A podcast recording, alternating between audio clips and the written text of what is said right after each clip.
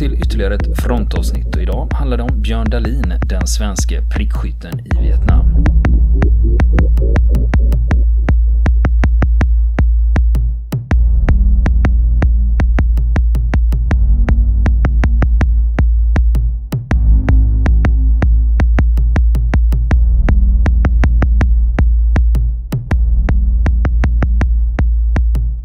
Och nu fortsätter historien om Björn Dahlins liv.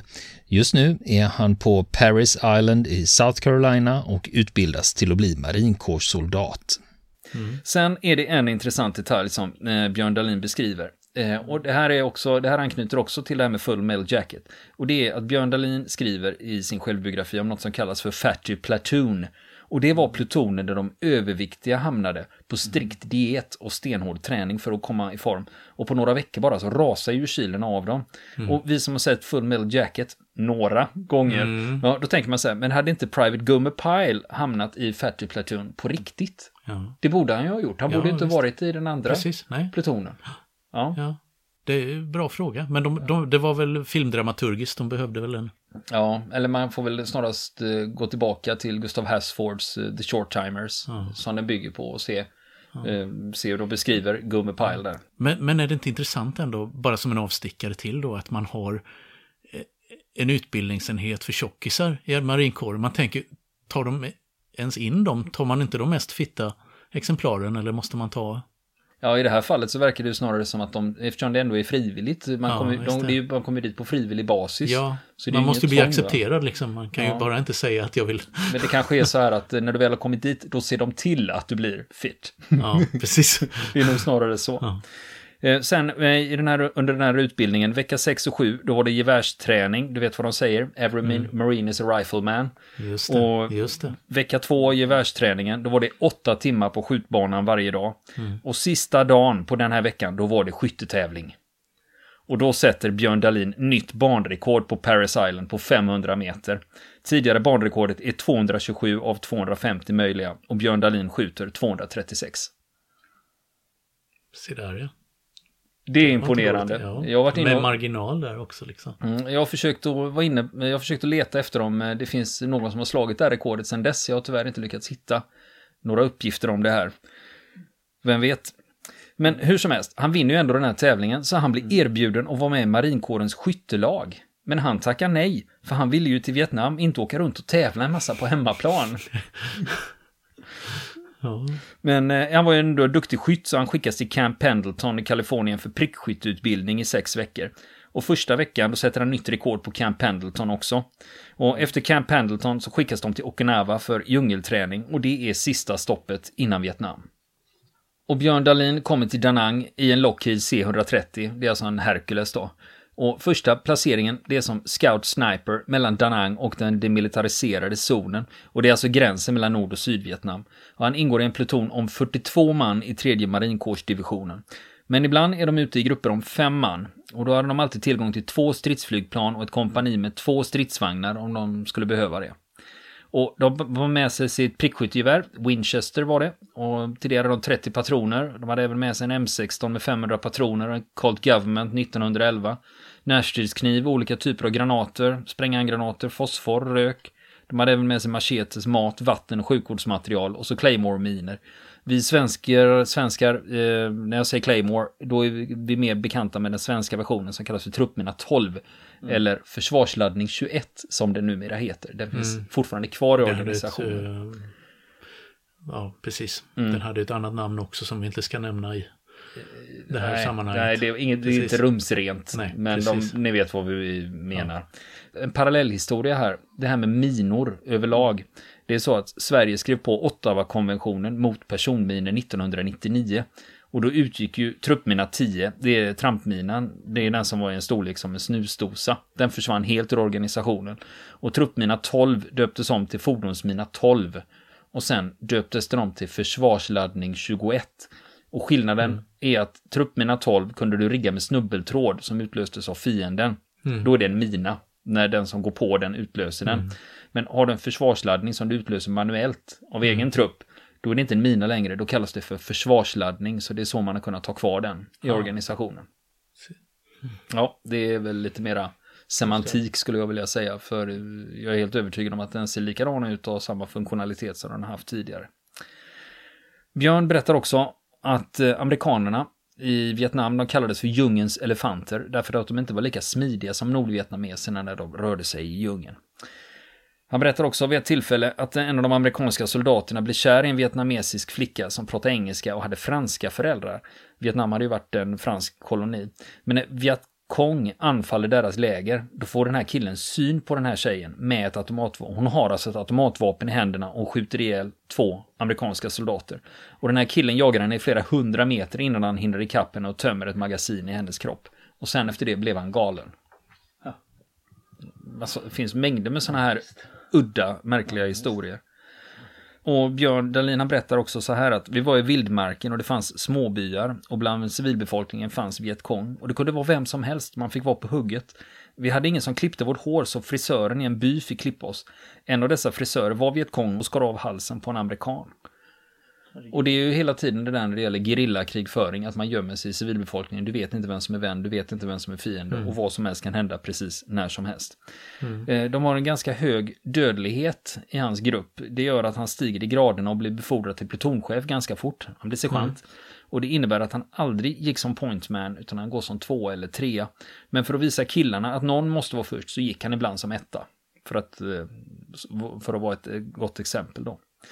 Och Dalin han beskriver anfallen när de var ute på patrull som oerhört intensiva. Oftast varade de bara 15 20 sekunder, men att man efteråt är helt slut både fysiskt och psykiskt. Mm. Och ibland var de på rena prickskytteuppdrag. Då smög de in i små grupper, en 5-6 stycken. Då rörde de sig långsamt in i fiendens läger och sen ligger de där och väntar på den fiendens högsta officer. Och så skjuter de honom och sen tar de sig ut därifrån det området då.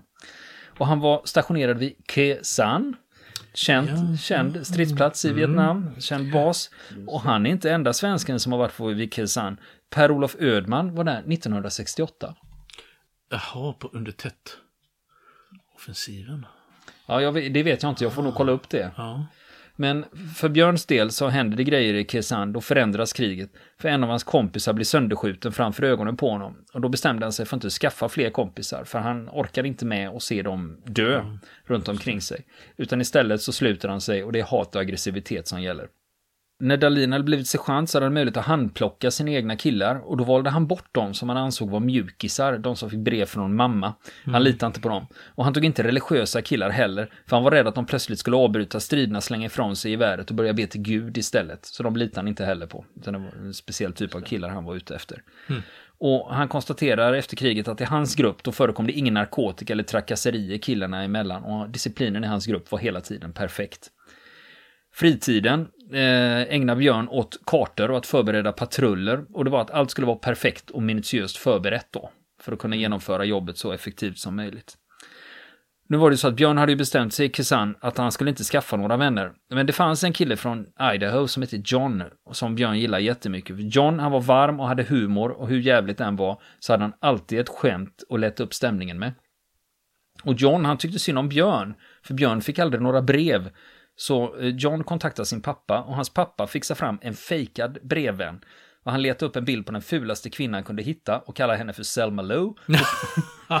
och så plitar han upp ett kärleksbrev till Björn och skickar hela paketet. Och det blev ett jätteuppskattat skämt då, för de andra såg, ja. liksom, jag har fått brev från min flickvän, så visar de en bild på henne. Det var det som han sa, liksom, Poor Sarge. ja, men Björn, han, själv skrev han brev. Mm. Och han skrev till sin pappa för att kunna hålla kontakten med honom, så han visste var han var, så han kunde skjuta honom i pannan när han kom hem.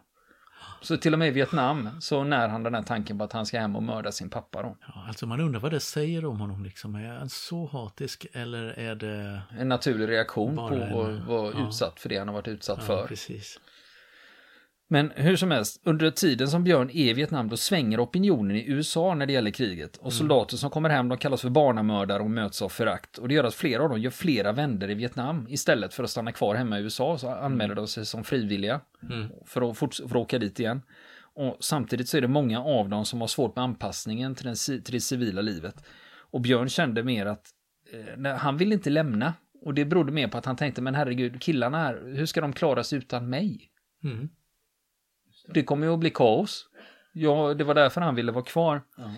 Men i juni 1968, då är Björns vända i Vietnam till ända. Då hade han varit där i 13 månader. Och marinkåren erbjuder honom att bli drill instructor. Och han tackar ja. Och utbildningen var sex veckor lång och Björn säger att det var det tuffaste han har varit med om under de här sex veckorna. 63 startade, 37 avslutade. Och han sa det att tanken som höll honom uppe, det var att han visste att det bara var sex veckor. Så klarar jag bara av de här sex veckorna så är det klart sen. Så det var så han lyckades komma igenom det där. Och sen började han jobba som instruktör i San Diego. Och det nämnde vi ju förut att man utbildar ju marinsoldater på två ställen, Paris Island och San Diego. Och han var stationerad i San Diego då i Kalifornien. Så Björn lever kasernliv och efter ett tag så blir han erbjuden att åka till Guatemala och utbilda i gerillakrigföring. Och lönen som följer med det här är fantastisk. Så han tackar ja, men så får han lite ledigt innan han ska ner till Guatemala då. Och då hör hans gamla Vietnamkompis John från Idaho av sig, undrar, ja men ska du inte komma hit upp och hänga lite? Kom hit och hälsa på och känner du för att stanna här så får du göra det. Det är ingen som kommer att ställa några frågor och du får vara i fred om du vill det och min familj har förståelse för att vi som har varit i Vietnam, vi beter oss inte nödvändigtvis som alla andra. Nej. Och de vet om det så du får komma hit och vara precis hur du vill. va? Och bete dig hur du vill så du har som en fristad här. Just det. Och, och Björn eh, tänker ju så här då att, ah, vad fan, jag har ju ändå lite ledigt nu. Om jag åker till Idaho en sväng och hälsar på Jan, sen åker jag till Sverige och mördar min farsa och sen sticker jag till Guatemala. Så det är planen då. Och, och då kommer han till en småstad uppe i Idaho och han får ett fantastiskt mottagande av John och hans familj. Och de ställer inga krav på honom, utan de är bara vänliga. Och han blir lite misstänksam och undrar, vad fan är de ute efter? De kan ju inte vara så här snälla mot mig som de inte känner. Ja. Och eh, det måste finnas en baktanke, för han hade aldrig upplevt det i det civila livet när han växte upp, det här med att någon var snäll. Va? Det var hela tiden förknippat med någon, någon skit bakom hörnet då. Mm. Men allt eftersom veckorna går och den här Guatemala-resan närmar sig, så han bara skjuter på det. Så han, skjuter, han trivs bra i Idaho och känner sig ganska lugn. Så att han bara flyttar fram den där Guatemala-resan och till slut så avböjer han Guatemala helt och hållet och istället så börjar han jobba ute i skogen. Och efter ett tag så hyr han ett rum hemma hos ett äldre par i samma by. Och samma sak där, de är supertrevliga. Och Björn blir också misstänksam, men för säkerhets skull har han med sig sin 357 Magnum ifall det är något lurt. och, och huset han bor i där hos det där äldre paret, mannen i huset där, han är pastor i den lokala församlingen undrar, men- och frågar om Björn inte ska med på gudstjänst. Och i början så tackar han nej, men ändå börjar han med, börjar han med religiösa grubblerier. Och han mår fortfarande väldigt dåligt, och har han gjort ända sedan han kom hem från Vietnam. Men tänker att han har, de han har träffat här i Idaho, de är ju så harmoniska, glada och lyckliga och vänliga. Har det att göra något med kyrkan och tron att göra? Kan det vara så? Att det är det som gör att de är så snälla mot främlingar? Och för han håller nämligen själv på att ätas upp av hat. Han håller på att gå under av hatet och tänker att det här kanske kan vara något då. Om man då kan hitta någon form av frid. Eh, sen händer en grej. Eh, det är november 1969, bor han kvar i Idaho. Eh, och då är Björn och en kamrat ute och jagar. Och då Björn han pulsar fram i snön och plötsligt så brinner ett skott av. Och det går rätt genom benet på Björn och han tänker fan 13 månader i Vietnam, inte en skråma. Och så kommer jag till Idaho och skjuter mig själv i benet. Och så gör han ett tryckförband och ber till Gud och säger så här. Snälla Gud, om du finns så hjälp mig. Och inom 15 sekunder så slutar blödningen och blodet börjar levra kring såret. Och då kollar han sitt gevär och ser att skottet har inte kommit från hans eget gevär. Det är ett vårdaskott från någon annan. Och han ropar på hjälp men ingen hör honom. Så han tar geväret som krycka och börjar stappla iväg och efter en timme har han kommit en kilometer. och han ropar och skjuter flera skott i luften. Och då dyker fyra andra jägare upp och tar honom till sjukhus. Och där kan läkarna konstatera att det är en 30-kalibers kula som passerat genom benet. Då. Och så, läkaren som känner Björn, för den här läkaren har själv varit uh, tjänstgjort i Korea, så de hade snackat lite krigsminnen. Så han säger det till Björn, vad fan du som har varit i Vietnam i 13 månader, du fattar väl att hade du skjutit själv i benet så hade ju hela benet varit av. Mm. Inte bara Ja. ett hål var tvärs Nej, igenom. precis. Eh, Det här med jakten ja. För Björn han la senare av med jakt helt och hållet. Och det berodde på att han sköt en dräktig hare. Och när han styckade den och såg fostren då bestämde han sig för att hänga geväret på hyllan. Han klarade inte av det här med jakt längre efter den incidenten. Ja. Sen utanför jobbet så börjar han gå i kyrkan. Och så småningom väljer han att gå på en bibelskola i Portland i Oregon. Mm. Men han är fortfarande inte frälst, utan han är lite nyfiket intresserad. Och han hade ju ändå bett till Gud efter jaktolyckan. och han visst. blev ju räddad. Så att eh, det är alltså inte förrän 1971 som han blir frälst på den här bibelskolan. Och av Gud får han meddelandet att han ska missionera i Sverige. Och det är först som han, när han har blivit frälst, det är då han lägger mordplanerna på sin pappa på hyllan. Och förlåter honom och kan gå vidare. Och det är också första gången, efter, precis när han har blivit frälst, det är första gången han kan sova en hel natt. Han har inte klarat av det innan, utan han har fått en frid nu, när han har funnit Gud. Och han har dessutom börjat dejta en tjej som spelar piano i hans gamla kyrka. Och första gången, ja, han, han var ju väldigt, väldigt blyg för tjejer, så det tog ju ganska lång tid innan han skulle bjuda ut henne. Men till slut så tog han ändå mod till sig, gick fram och frågade, kan vi inte gå ut och äta pizza någon gång? Då säger hon bara, jag får inte det. Nähä? Nej men du är 29, jag är 14.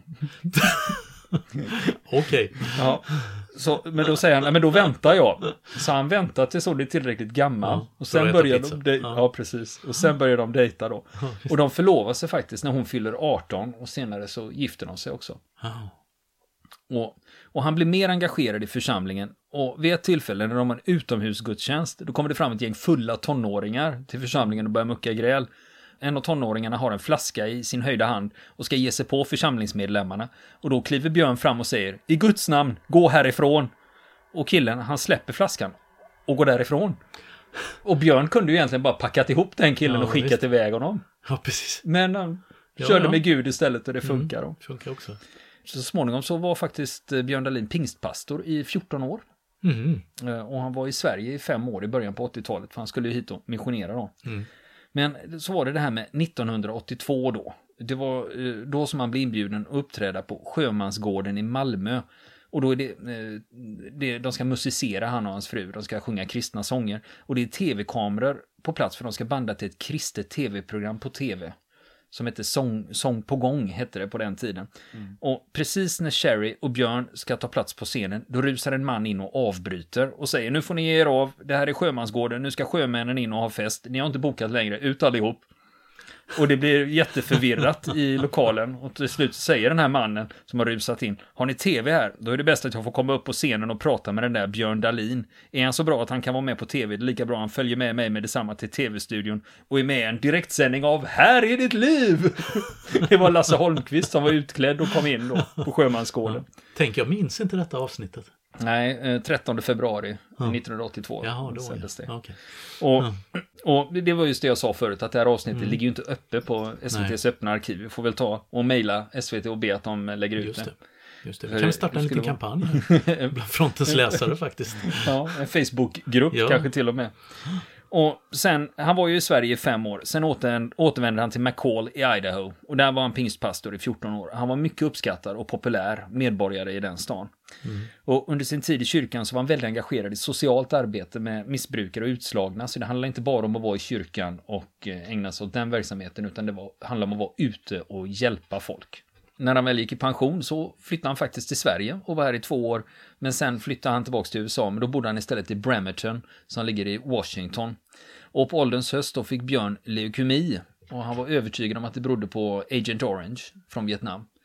Men eh, Expressen, tidningen Expressen, de intervjuade honom ett halvår innan han dog och då säger han så här att läkarna har sagt att min tid är ganska kort.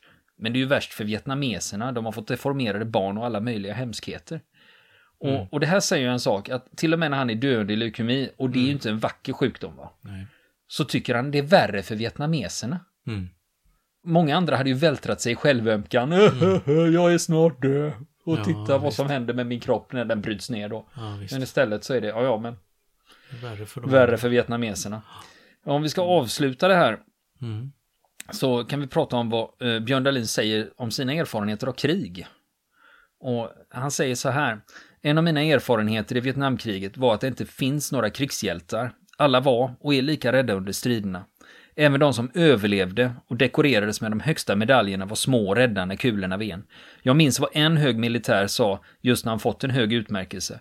Det var mer tur än något annat att jag inte kom hem förpackad i plast. Mm. Björn Dahlin dog den 11 februari 2016 och han blev 75 år gammal. Kvar blev hans änka Sherry och två döttrar och fem barnbarn. Ja, ursäkta att jag avbryter. Det är Robert här. Vi hade nämligen två grejer som vi inte fick riktigt svar på när vi spelade in avsnittet, men som jag har kollat upp i efterhand. Och det första det handlar om det här med Fatty Platoon. Om det nu fanns en Fatty Platoon på Paris Island, och det gjorde det ju, står det ju faktiskt i Björn Dahlins självbiografi. Och då undrar man ju när man ser Full Metal Jacket att skulle inte Gomer Pyle hamnat där då? Och så jag gick till eh, källan när det gäller Full Metal Jacket, det vill säga boken The Short Timers av eh, Gustav Hasford. Och redan de första raderna i första kapitlet så får man svar på den här frågan. För boken börjar så här. The Marines are looking for a few good men. The recruit says that his name is Leonard Pratt. Gunnery Sergeant Gurheim takes one look at the skinny redneck and immediately dubs him Goomer Pyle. Så Goomer Pyle var i själva verket skinny, alltså mager. Så då har han väl blivit tjock i lagom till filminspelningen då. Fråga nummer två, det gällde varför SVT inte publicerar avsnittet eh, från eh, Här är ditt liv med Björn Dahlin. Jag var i kontakt med SVT och det enda svar som de ger mig det Avsnittet publiceras inte med hänsyn till de medverkande. Och det är ju ungefär lika kryptiskt som att avsnittet publiceras inte i nuläget, men det verkar inte som jag får ett tydligare svar av SVT i den frågan. Vill ni komma i kontakt med oss så kan ni göra det via vår Facebook-sida som heter Fronten. Det är inga problem för er att leta er fram där. Eller också så mejlar ni på vår mejladress och det är frontenpodcast.gmail.com.